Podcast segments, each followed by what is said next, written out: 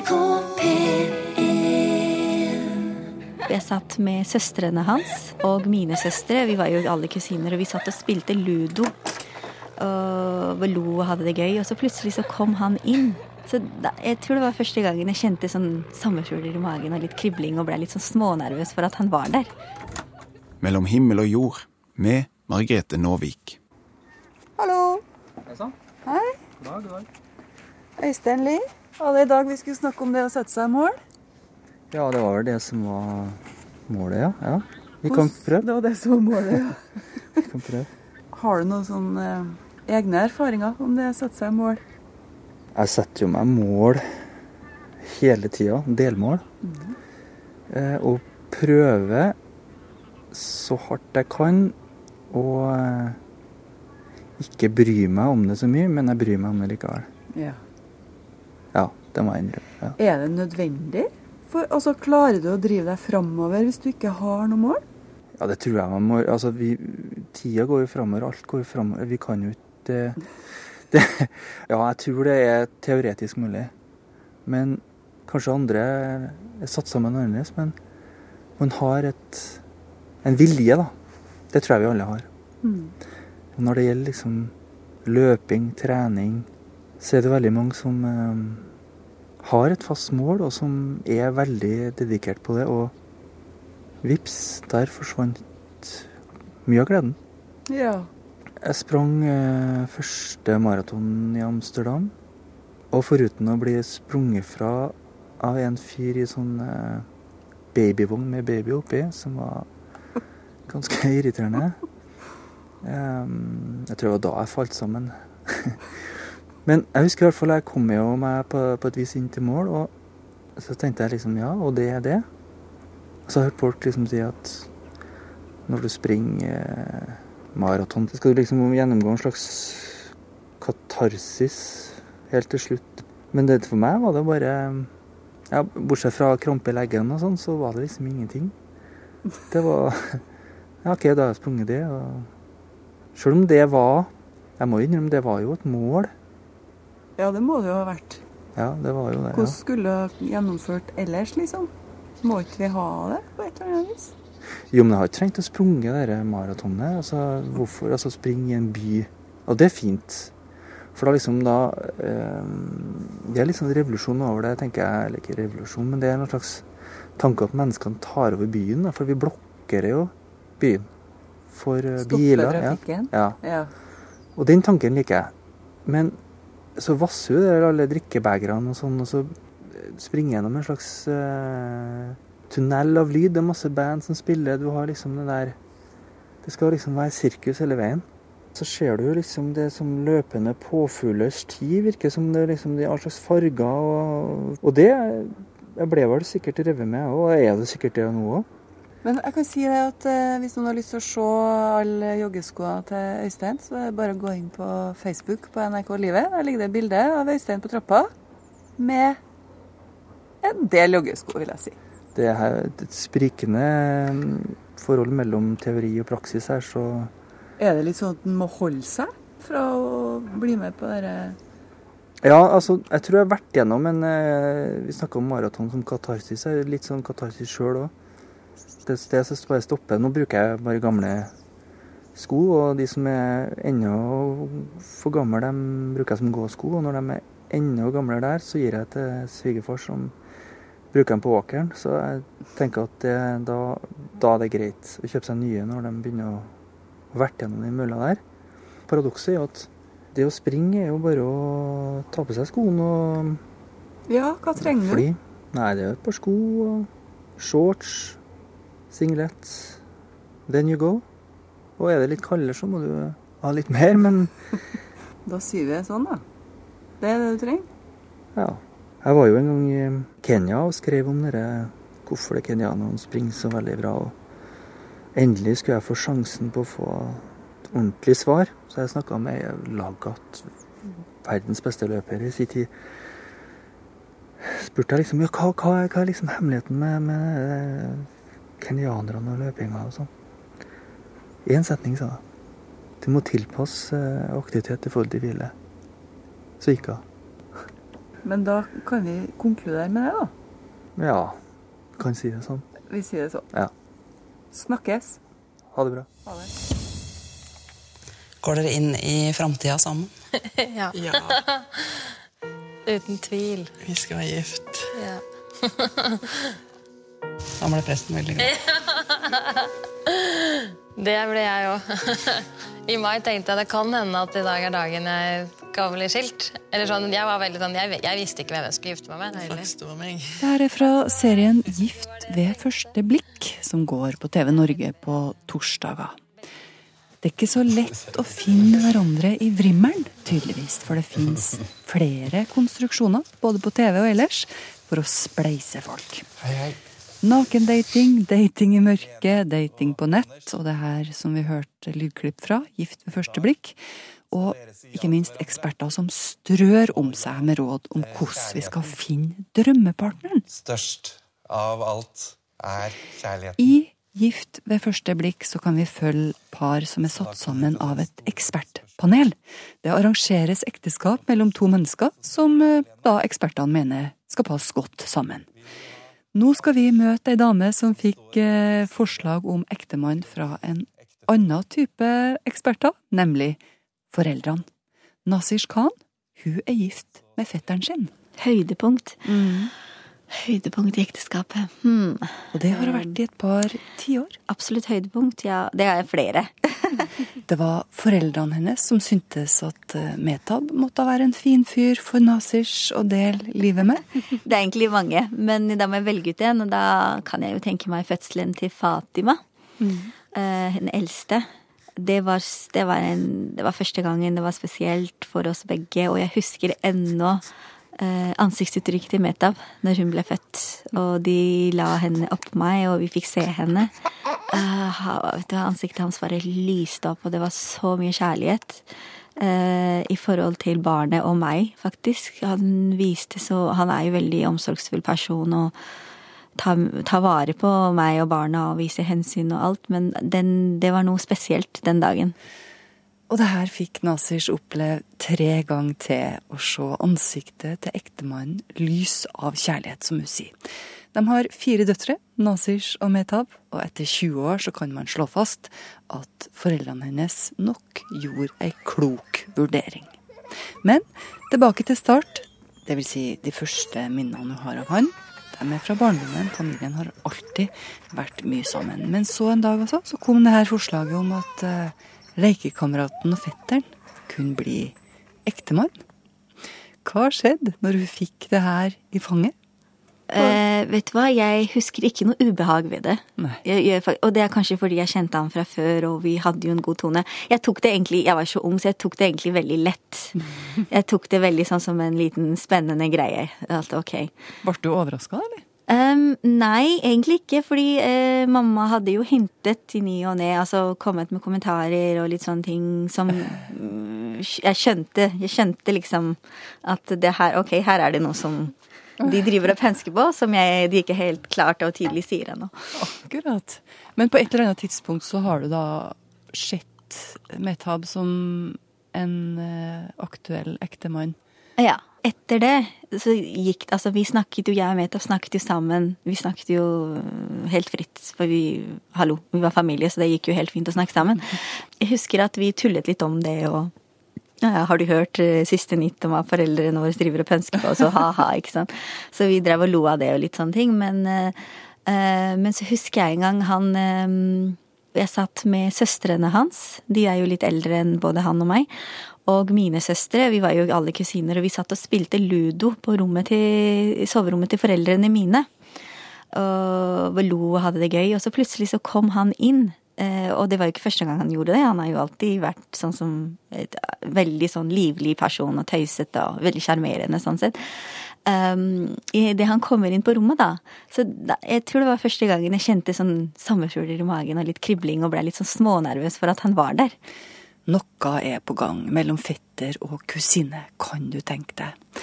Sjøl om jeg hadde noen kjekke fettere i passende alder sjøl, så var det ingen som kunne tenke tanken engang. Ekteskap i så nær slekt.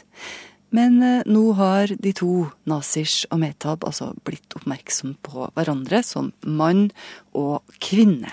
Ja, det var liksom litt spennende og, og, en, en, en, en, en sånn tid som jeg kan egentlig mimre tilbake til med gode minner. Mm. Men altså, det er jo veldig mange som har mye imot sånne arrangerte ekteskap. Mm. Eh, Hva er det folk er urolige for, tror du? Um, jeg tror uh, frykten ligger i at den frie viljen til de partene som det arrangeres ekteskap for, ikke blir oppfylt. Altså de blir fratatt den frie viljen til å si ja eller nei. Men eh, når man da i et arrangert ekteskap blir fratatt den frie viljen, så er det ikke arrangert ekteskap lenger. Da er det tvang. Da er du over i tvangsekteskap, og tvangsekteskap er jo et overgrep. Eh, en kriminell handling som er utrolig brutal.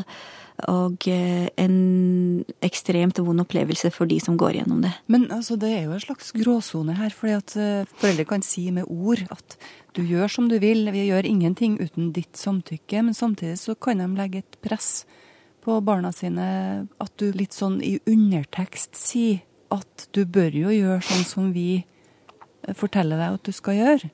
Det er jo enkelte foreldre som faktisk eh, benytter seg av disse gråsonene og kaller et slikt ekteskap for arrangert, men eh, til syvende og sist så er det ikke det. Da, da har du presset barnet ditt inn i et uønsket ekteskap, og da er det tvang. Det går kanskje an å sammenligne med, med ønsket fra foreldrene om en høy utdannelse, f.eks. Det kan jo være mer gjenkjennelig for uh, folk som ikke kommer fra en kultur som din. At eh, du gjør som du vil, men jeg vil helst at du skal bli lege, liksom. De aller, aller fleste foreldrene i verden vil jo det beste for barna sine. Mens jeg forsket på boken, så kom jo jeg i kontakt med noen eh, etnisk norske ungdom som mente at foreldrene har, har noe å si, da, også i etnisk norske familier. Disse to ungdommene sa jo dette, for det er jo slik at hvis etnisk norske unge kvinner eller eh, menn finner eh, en de er glad i og ønsker å gifte seg med, så blir jo de presentert for familien. Og så var det en sånn diskusjonstema hvorvidt deres mening og eh, inntrykk av partner til barnet har noe å si, da, i forhold til eh, framtiden for det forholdet. Men det var, jo, det var jo en diskusjon for seg selv. Men jeg tenker da i forhold til arrangert ekteskap, at man kan si sin mening i forhold til en kandidat, eh, hvis varene spør om det. Men eh, de må vite hvor grensene går. Både ungdommen må være bevisst på hvor grensene går i forhold til foreldrenes eh, autoritet og eh, påvirkning, og foreldrene selv må være veldig, veldig bevisste på at de ikke legger eh, kriterier, bestemte kriterier til grunn som barna følger, da. Hvordan, eh, hvordan ser du for deg framtida med Metab?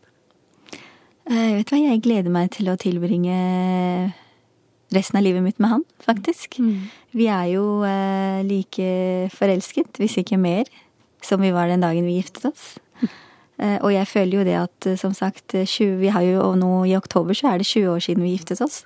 Um, vi har jo støtt selvfølgelig på utfordringer når man bor sammen i 20 år. Så har jo vi gode dager og dårlige dager, og vi selvfølgelig, som alle andre par, har våre irritasjonsmomenter og konflikter, og vi krangler og Men eh, det går over, alltid. Så det gjør jo det. Men så også har vi vært gode stunder. Um, men jeg føler det for hver utfordring vi har støtt på i vårt ekteskap, så har det blitt sterkere.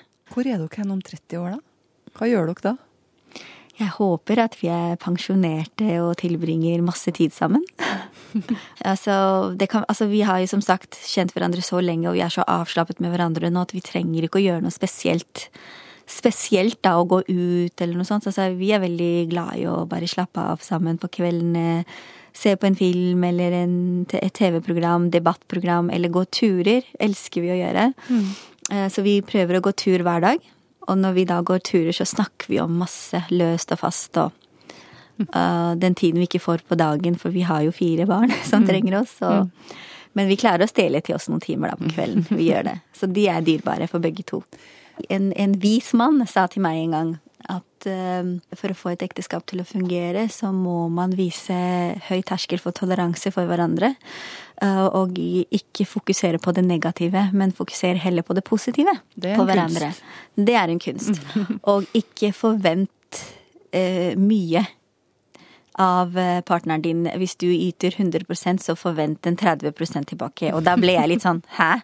Hva mener du med det? Det var nesten provoserende for min del, men, eh, men, når man tenker etter, så sa jo han det han mente men det, var jo det at eh, når du forventer lite og får mer, så blir du glad. Ikke sant? Og hvis du forventer en 100% og får 90, da tenker du oi, det var jo ikke full pott.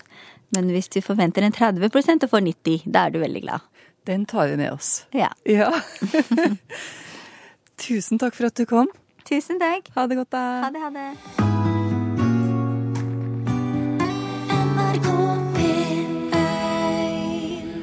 Og jeg husker jeg satt opp den køyesenga, og plutselig så kjente jeg virkelig sånt Ja, en sånn enorm varme, et lys, en slags eh, veldig sånn ro. Kjærlighet. Kjærlighet. Ja, ja, faktisk. Eller sånn veldig ro. Jeg har tenkt på den følelsen mange ganger. Men jeg vet jo ikke hva det var. Om det virkelig var Gud, eller om det bare var noe som eh, jeg hadde behov for der og da. Du hører på Mellom himmel og jord i NRK P1. Og jeg husker da jeg bodde der sammen med sønnen min da han var eh, tre-fire år.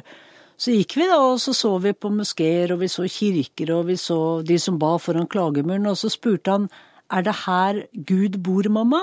Ja, er det her Gud bor, mamma? Det dreier seg om eh, byen Jerusalem, og kvinnen vi hørte her snakke, som gikk tur med sin sønn, det er eh, NRK-journalist Sissel Wold, som mange ganger har rapportert og kommentert om hendelser i nettopp byen Jerusalem. Det skjedde nå også sist forrige helg, da det oppsto bråk som endte med drap. Sissel Wold har i flere perioder bodd i Israel, også i Jerusalem. I eh, byen som blir kalt for Guds by. Den har til og med blitt kalt for himmelens og jordens historie. Intet mindre. Men hva er det med Jerusalem, Sisselvold, som gjør den så spesiell? Det er en helt eventyrlig by, en fantastisk by. Det er en eh, by som eh, har en atmosfære som du ikke finner noe annet sted. Men det er også en veldig hatefull by. En veldig deprimerende og trist by. Eh, det er en by som går liksom innunder huden din, og som aldri forlater deg. Så det er en av verdens aller mest spennende byer å besøke, men en av verdens mest slitsomme byer å bo i hvis du bor der eh, mer enn i tre år, tror jeg jeg vil si. Hva som gjør at den byen blir så, så slitsom å bo i? Det er så mye hat og så mye mistro. Og, og veldig mye religion. Og paradokset er jo at den er jo hovedsetet eh, for tre religioner, også islam, selv om islam er fra Mekka også. Og alle disse religionene prediker jo nestekjærlighet og toleranse, men det er det jo ikke mye av i Jerusalem. Og det er jo det er trist. Mm. Eh, men religionen preger jo den byen på en måte du merker hele tiden. Og så er det jo en kamp om den byen. Det er en by som elskes i hjel av tre religioner og to folk. Men hvordan kjenner du, hvordan merker du det at, at dette her er på en måte et ubehag, da? Det er veldig mye spenning og aggresjon under overflaten, for det er mange frustrerte mennesker, og en del av dette handler jo også om politikken. Og sånn at folk eh, Alle blir veldig eh, anspente. Mm. Eh, veldig ofte så blir folk veldig anspente. Og dette kommer jo til overflaten i trafikken, for eksempel. Hvor jeg for eneste gang i livet mitt eh, ruller ned vinduet og skjeller ut folk rundt meg. Og jeg gjør jo ikke det andre steder. Men der er det lov? Ja, der gjør jo alle det. Og der er det også sånn at for å overleve i den byen, så må du jo være veldig aggressiv og bruke albuene dine. Det er en by hvor alle er eh, liksom eh, går med knyttede never hele tiden i mm. lommene. Så det er såpass konkret at folk går nærmest på vakt og hører etter om de hører noe som er litt sånn Kan nærmest oppstå situasjoner på gateplan? Hvis du He hele tiden, hele tiden. Og det ser vi særlig i disse dager, hvor det har vært eh, knivstikking eh, fra begge sider. Og hvor det rett og slett koker over for folk, og hvor det er så anspent og så hatefullt. Og det skal så lite til Eh, bare en gnist til før det er en stor slåsskamp eller politiet kommer og det utløses eh, skudd. Det er veldig, en veldig, veldig anspent by. Men du har jo bodd der i eh, fire-fem år, forstår jeg. Fem år. Fem år, ja. Du som kommer litt utafra, da. Var det noe hyggelig med å være i byen der? Er det noe som på en måte gjør at det er litt sånn kos? Eh, det fineste i Jerusalem syns jeg er eh, sånn fire-fem-tiden om ettermiddagen, for da begynner solen så smått å takke for seg, så smått, og så skinner den med et sånt gyllent lys på alle bygningene som er bygget i eh, denne Jerusalemstenen. Og det er akkurat som de gløder mot en blå himmel, fremdeles mot en blå himmel. Og det er eventyrlig vakkert. Og det å sitte på en terrasse hvor du har god utsikt, utsikt og se at, eh, at eh, dag blir til kveld, og at alle lysene tennes, det er eh, helt eventyrlig, syns jeg. Og det er mange mange vakre steder i Jerusalem hvor du har nydelig utsikt, ikke minst fra Oljeberget, hvor du ser hele Jerusalem for dine føtter, gamlebyen og de hellige stedene. Og det er mye vakker natur også rundt byen, og mange fine turer du kan gå i i Jerusalem. Hvor du virkelig føler at du går i eh, historiske og bibelske fotofar. Hva slags eh, mennesker er det som, som bor i Jerusalem nå? Du kan jo dele befolkningen inn i tre, sånn grovt sett. Det er eh, en tredjedel som er ultraortodokse jøder. Det er de som går kledd i lange, svarte klær og veldig, veldig religiøse. Ja. Og så har du en annen tredjedel som er israelske jøder. Noen er ganske religiøse, andre ikke så religiøse. Eh, det er noen sekulære lommer også i Jerusalem. Og så har du den, eh, siste tredjedelen, som er palestinerne. Og ingen av disse gruppene liker hverandre. Og jeg tror at uh, hver av disse gruppene skulle like, opp, og, like å våkne opp og se at de andre ikke var der. Så det er ikke noe kjærlighet mellom disse tre gruppene, men de lever i den samme byen som de elsker så intenst og har en lang historie føler at det er deres by. At de andre ikke eier den på, på samme måte som de eier den. Vi snakker med NRK-kollega Sissel Wold om Jerusalem. Hun har bodd i byen i fem år og kjenner eh, pulsen. Og du Sissel, du kjenner vel til alle disse, disse hellige stedene for, for, tre religioner? For jødene så er jo øh, vestveggen, eller klagemuren, det aller viktigste. Mm. Men klagemuren står jo inntil Eh, det tredje helligste stedet i islam, og det er jo da al-Aqsa. Hele den gamle tempelplassen til jødene, som i dag heter Haram al-Sharif, der hvor klippedomen står. Og klippedomen, klippemoskeen, den er bygget over grunnstenen. Og den stenen, det er stedet der hvor jordkloden, der hvor jorden, verden ble til. Intet mindre. Så det er jo store ting vi snakker om her. Og denne stenen, det er en sånn vakker rosaaktig sten som ligger rett under gullkuppelen til Klippemoskeen. Mm. Og det er veldig spennende å se den. Klagemuren er vel en del av det gamle tempelet, ikke sant? Ja, klagemuren er vestveggen av det gamle tempelet. Ja, Salomos eh, tempel.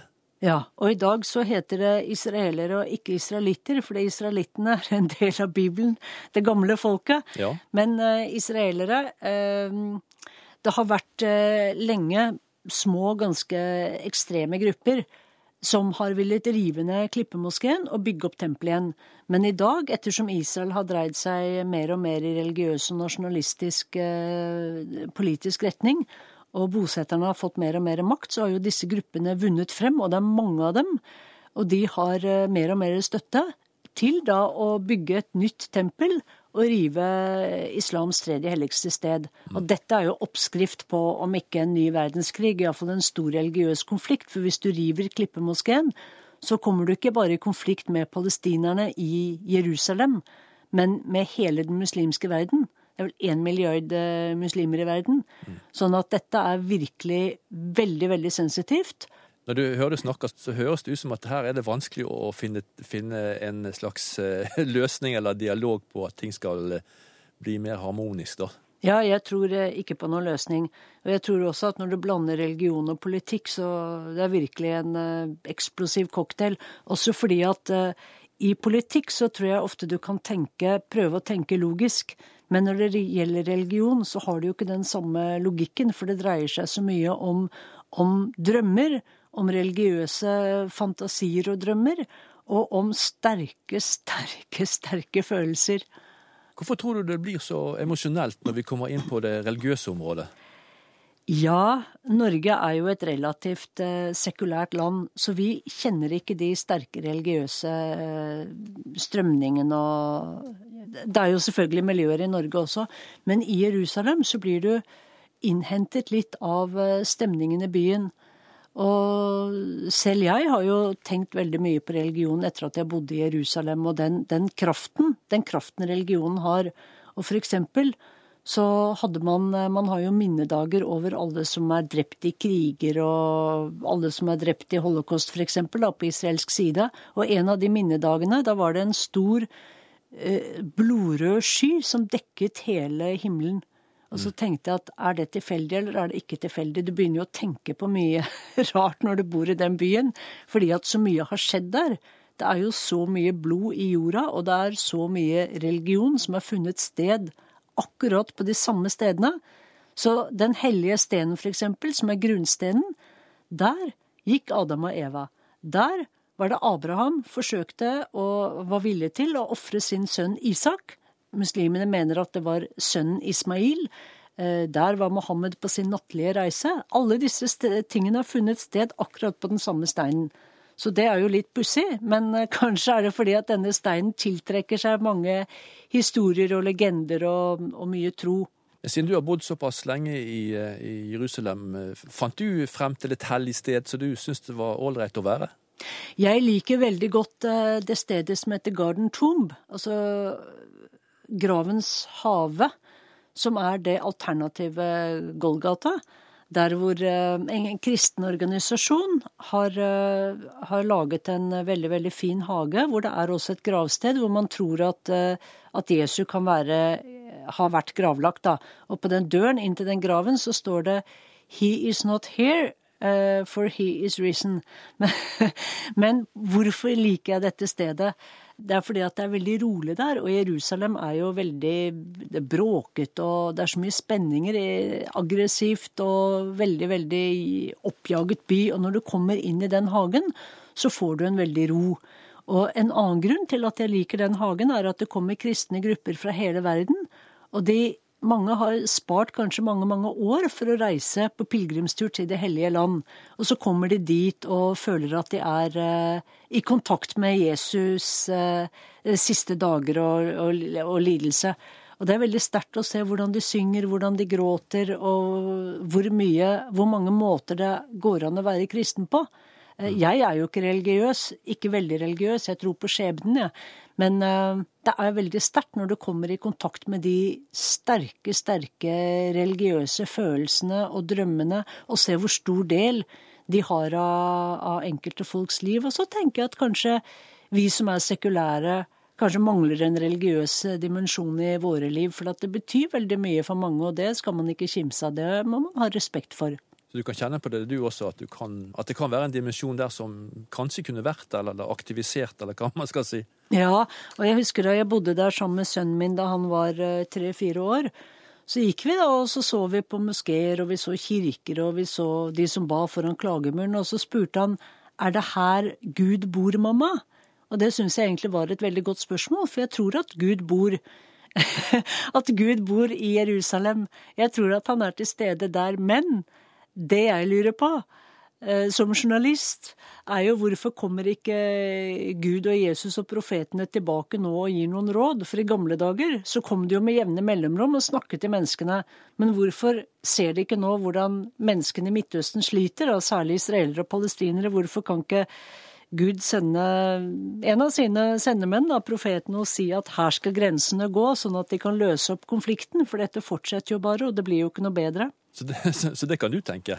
Ja, det har jeg lurt på mange ganger. Hvorfor kom de bare alltid Hvorfor kom de så ofte før? Mm. De kom jo stadig med eh, visjoner, og de viste seg om det var i busker eller skyer eller hvor det var. Men hvorfor kommer de ikke lenger? Ja, Hvorfor kommer ikke de lenger da, tror du? Ja, det vet jeg ikke. Jeg må spørre noen. Jeg vet ikke. Men de burde komme igjen, syns jeg. Ja, det, det og gi, gi noen gode råd. Det er behov for dem nå. Ja. Det er Sissel Wold som sier det her. Hun er altså tidligere utenrikskorrespondent for NRK i Midtøsten. Hun prata med Ove Gundersen. Og Sissel hun har bodd i Israel i flere perioder. Som ung så jobba en periode i en sekulær kibbutz nord i landet, og hun lærte seg blant annet å snakke hebraisk. Seinere så studerte også Sissel arabisk.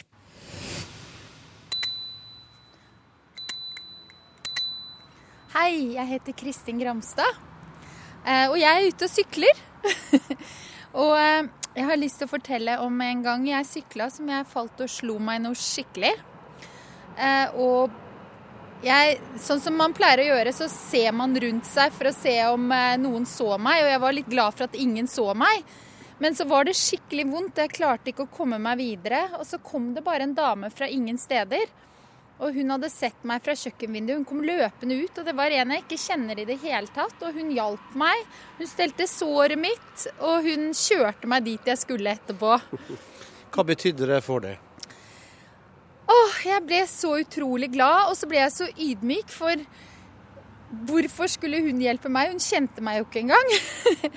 jeg jeg, jeg syns bare det var en utrolig god gjerning. Jeg følte nesten at hun var litt sånn samar... Hva heter det?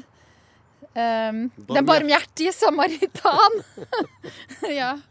Nei, hun eh, Det var ikke noe grunn til at hun skulle hjelpe meg, egentlig. Ja, hvorfor ikke det? Nei, jeg mener jeg, Hun kjente jo ikke meg, og hun visste jo ikke hvor, om jeg egentlig hadde slått meg heller. Men, men hun gjorde det nå. Hun hadde nestekjærlighet og godhet for meg, og det var utrolig Det var uventa, og derfor så føltes det ekstra godt. Hva lærte du? Eh, jeg, jeg, kjente at det, det, er jo ofte sånn at noen hjelper deg eller noen gjør noe for deg, så har du lyst til å gjøre noe tilbake.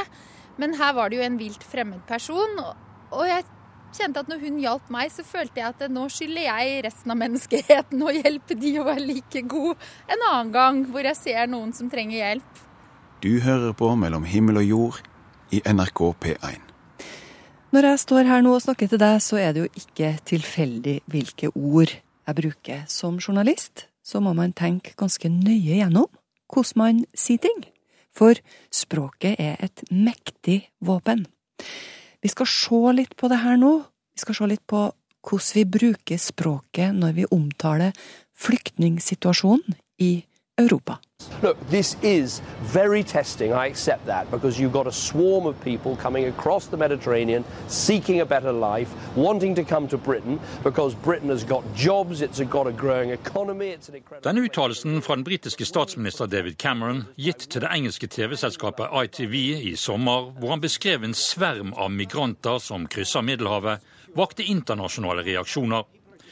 Men den britiske statsminister er ikke alene om å bruke ladede ord om flyktningsituasjonen i Europa.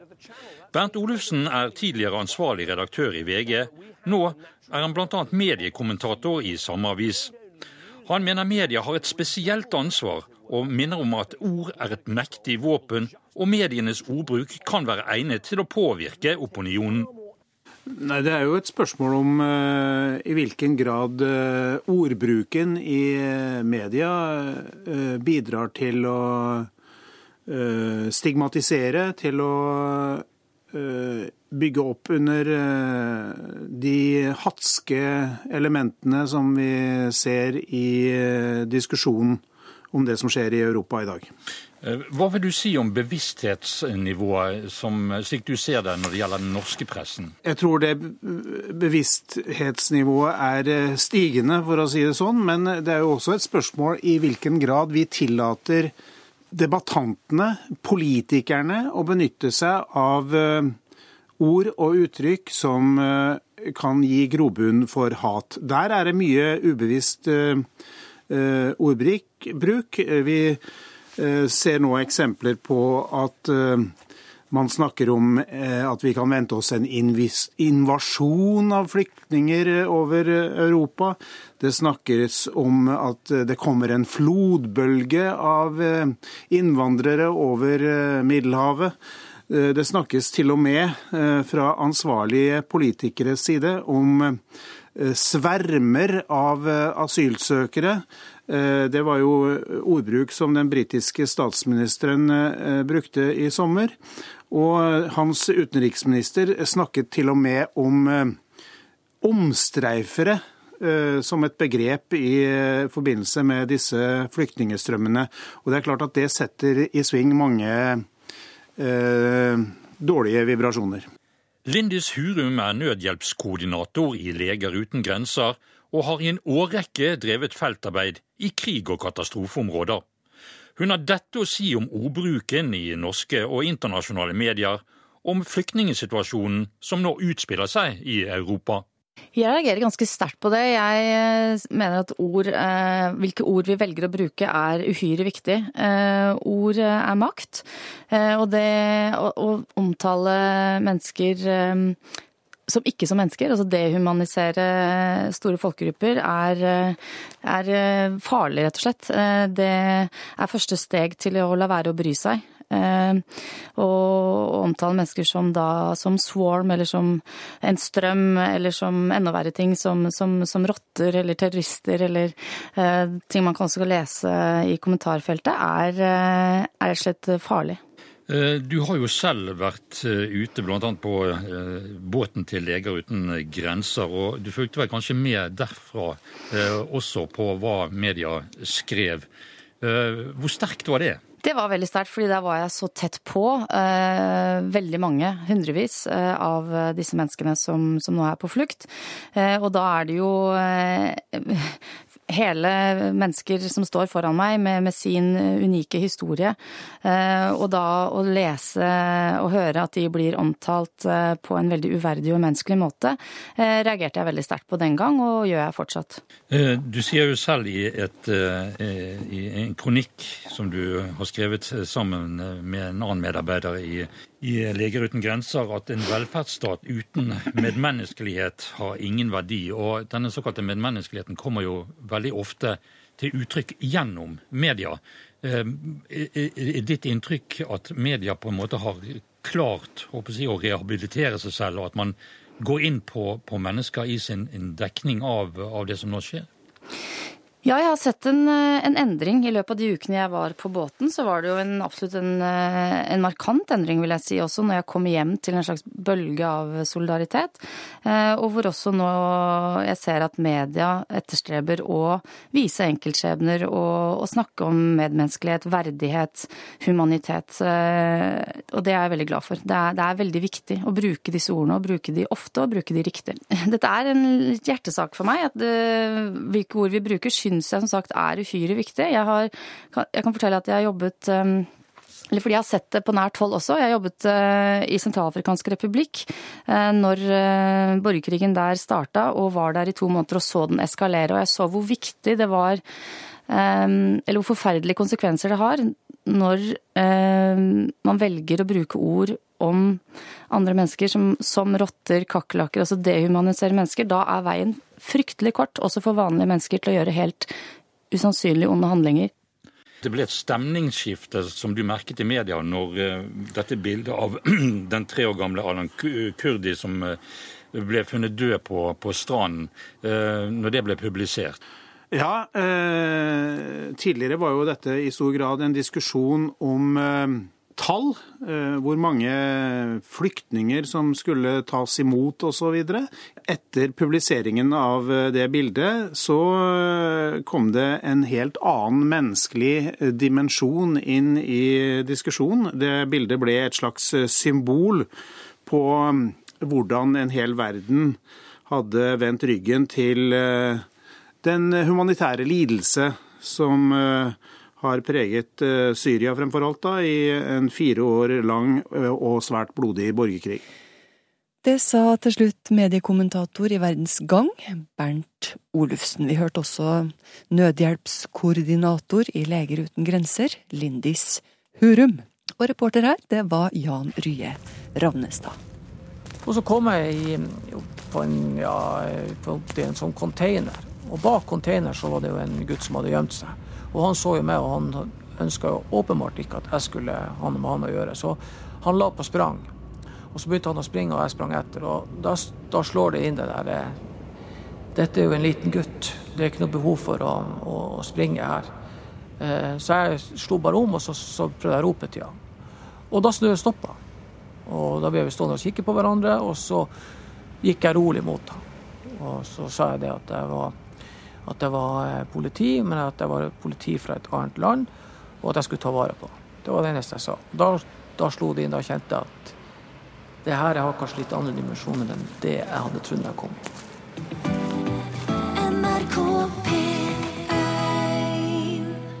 Du vet at hvis du stupte døende på gulvet nå, så stupte du rett i helvete.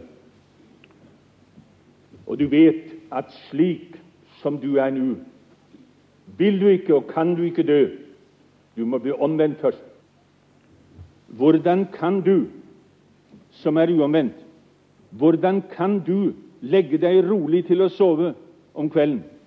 Du som ikke vet, enten du vogner i din seng eller i helvete? Ja, det her er et opptak fra 1953. Ole Hallesby han eh, inntok talerstolen i Indremisjonsselskapets storstue i Oslo. Og denne talen den ble kringkasta i NRK Radio. Hallesby han benytta anledningen og valgte, som vi hørte, noen sterke ord til de fremmøtte og radiolytterne. Senere så ble denne talen kjent som Helvetestalen. Og i kjølvannet så kom da det som har blitt kalt Helvetesdebatten. I forrige uke så ble denne kjente talen tatt fram igjen og fremført på Litteraturhuset i Oslo. Men da du så en ting til, til like så tindrende klart. Jeg får det aldri godt med Gud før jeg får gjort opp med Gud. Helvetestalen sier mye om synd og nåde. Det er full sal på Litteraturhuset når Ole Hallesbys kontroversielle tale fremføres igjen. Læren om evig helvetestraff står sterkt, og de mest kjente ordene har påvirket og opprørt mange. Særlig å velge straks. Jeg taler sikkert til mange i kveld som vet de er uomvendt. Du vet at om du stupte død ned på gulvet i dette øyeblikk, så stupte du like i helvete.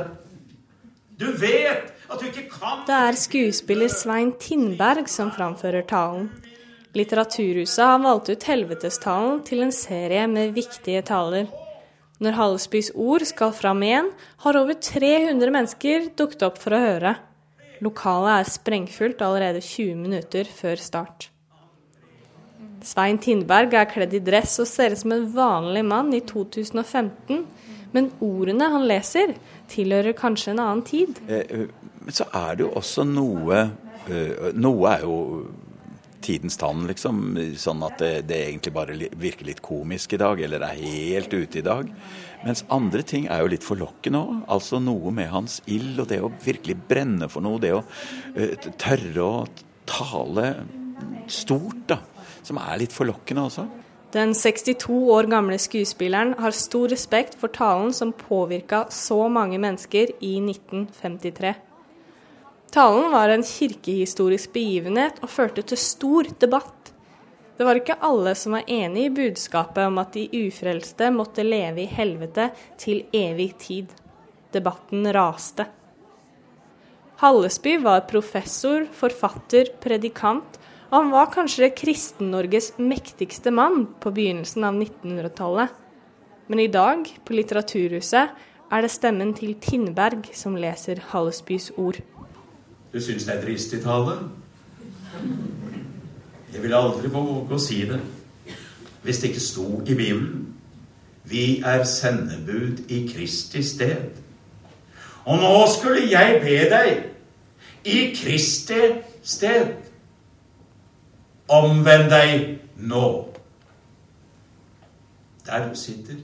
det ville på en måte være lett å stille dem opp i dag, altså lese dem litt i hva skal jeg si, litt i hermetegn, litt i gåseøyne. På en måte vise at tiden er gått, og vise at her er det litt latterlig, eller her er det litt så videre. Men det hadde jeg ikke noe ønske om. For jeg tror nok at mange, mange kommer hit fordi de har en, et forhold til disse talene, eller hva det, disse talene gjorde med dem selv, eller med deres foreldre, eller med noen de kjente. Eller med norsk samfunnsdebatt, i hvert fall. Men andre kommer jo hit også med et sånt syn for å se hvor galt det egentlig var, eller hvor komisk det vil være i dag. Og det prøvde jeg å ikke la det bli. Altså Jeg prøvde virkelig å forsvare det på en måte, sånn at, eh, at, de, at folk skal også kunne møte hans, hans sannhetskrav, da, eller det som for han var sannhet. Og akkurat respekten for budskapet satt flere pris på. Kjenner du Ole Hallesby? Nei, jeg tør nesten ikke å si det. Fordi at det har vært så trampa på. Så Arnhild Gjendem har vært interessert i debatten i lang tid.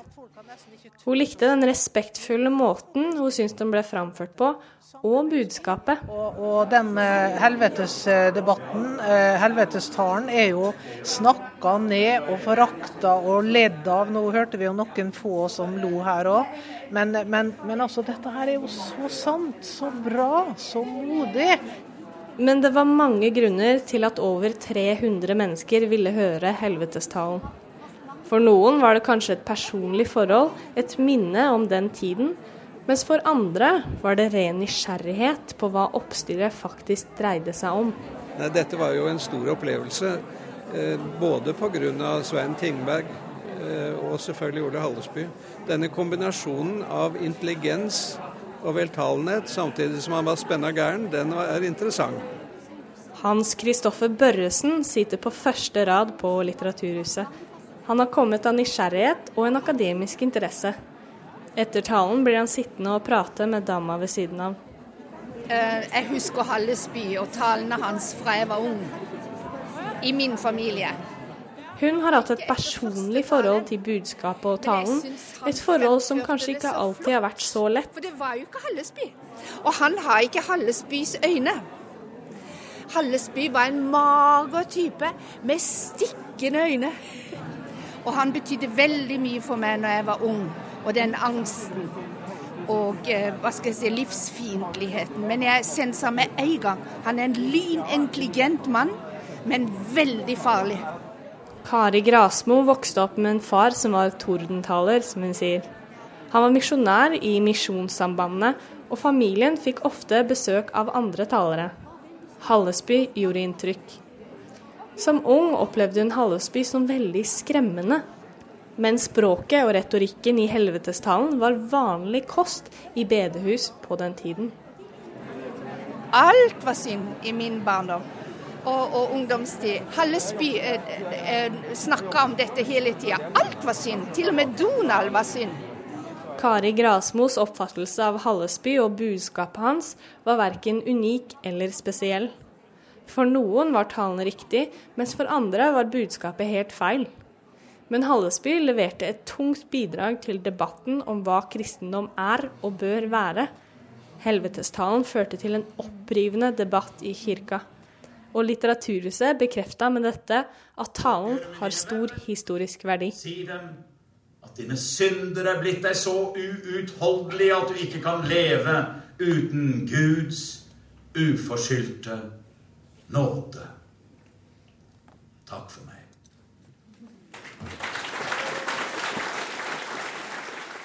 Det var Svein Tindberg du hørte til slutt, og vår utsendte på Litteraturhuset i Oslo, det var Ragnhild Melby. Og nå tror jeg vi trenger en kaffe, altså. Før vi starter serveringa, så må vi minne om e-postadressen.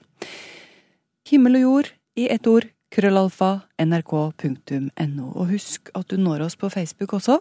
NRK Live. Margrethe Nåvik heter jeg. Nå er det altså tid for eh, kaffepause fra både himmel og helvete, tror jeg vi sier. Her er Manhattan Transfer med en Java Jive. Ha en riktig god søndag. Hør flere podkaster på nrk.no podkast. NRK P3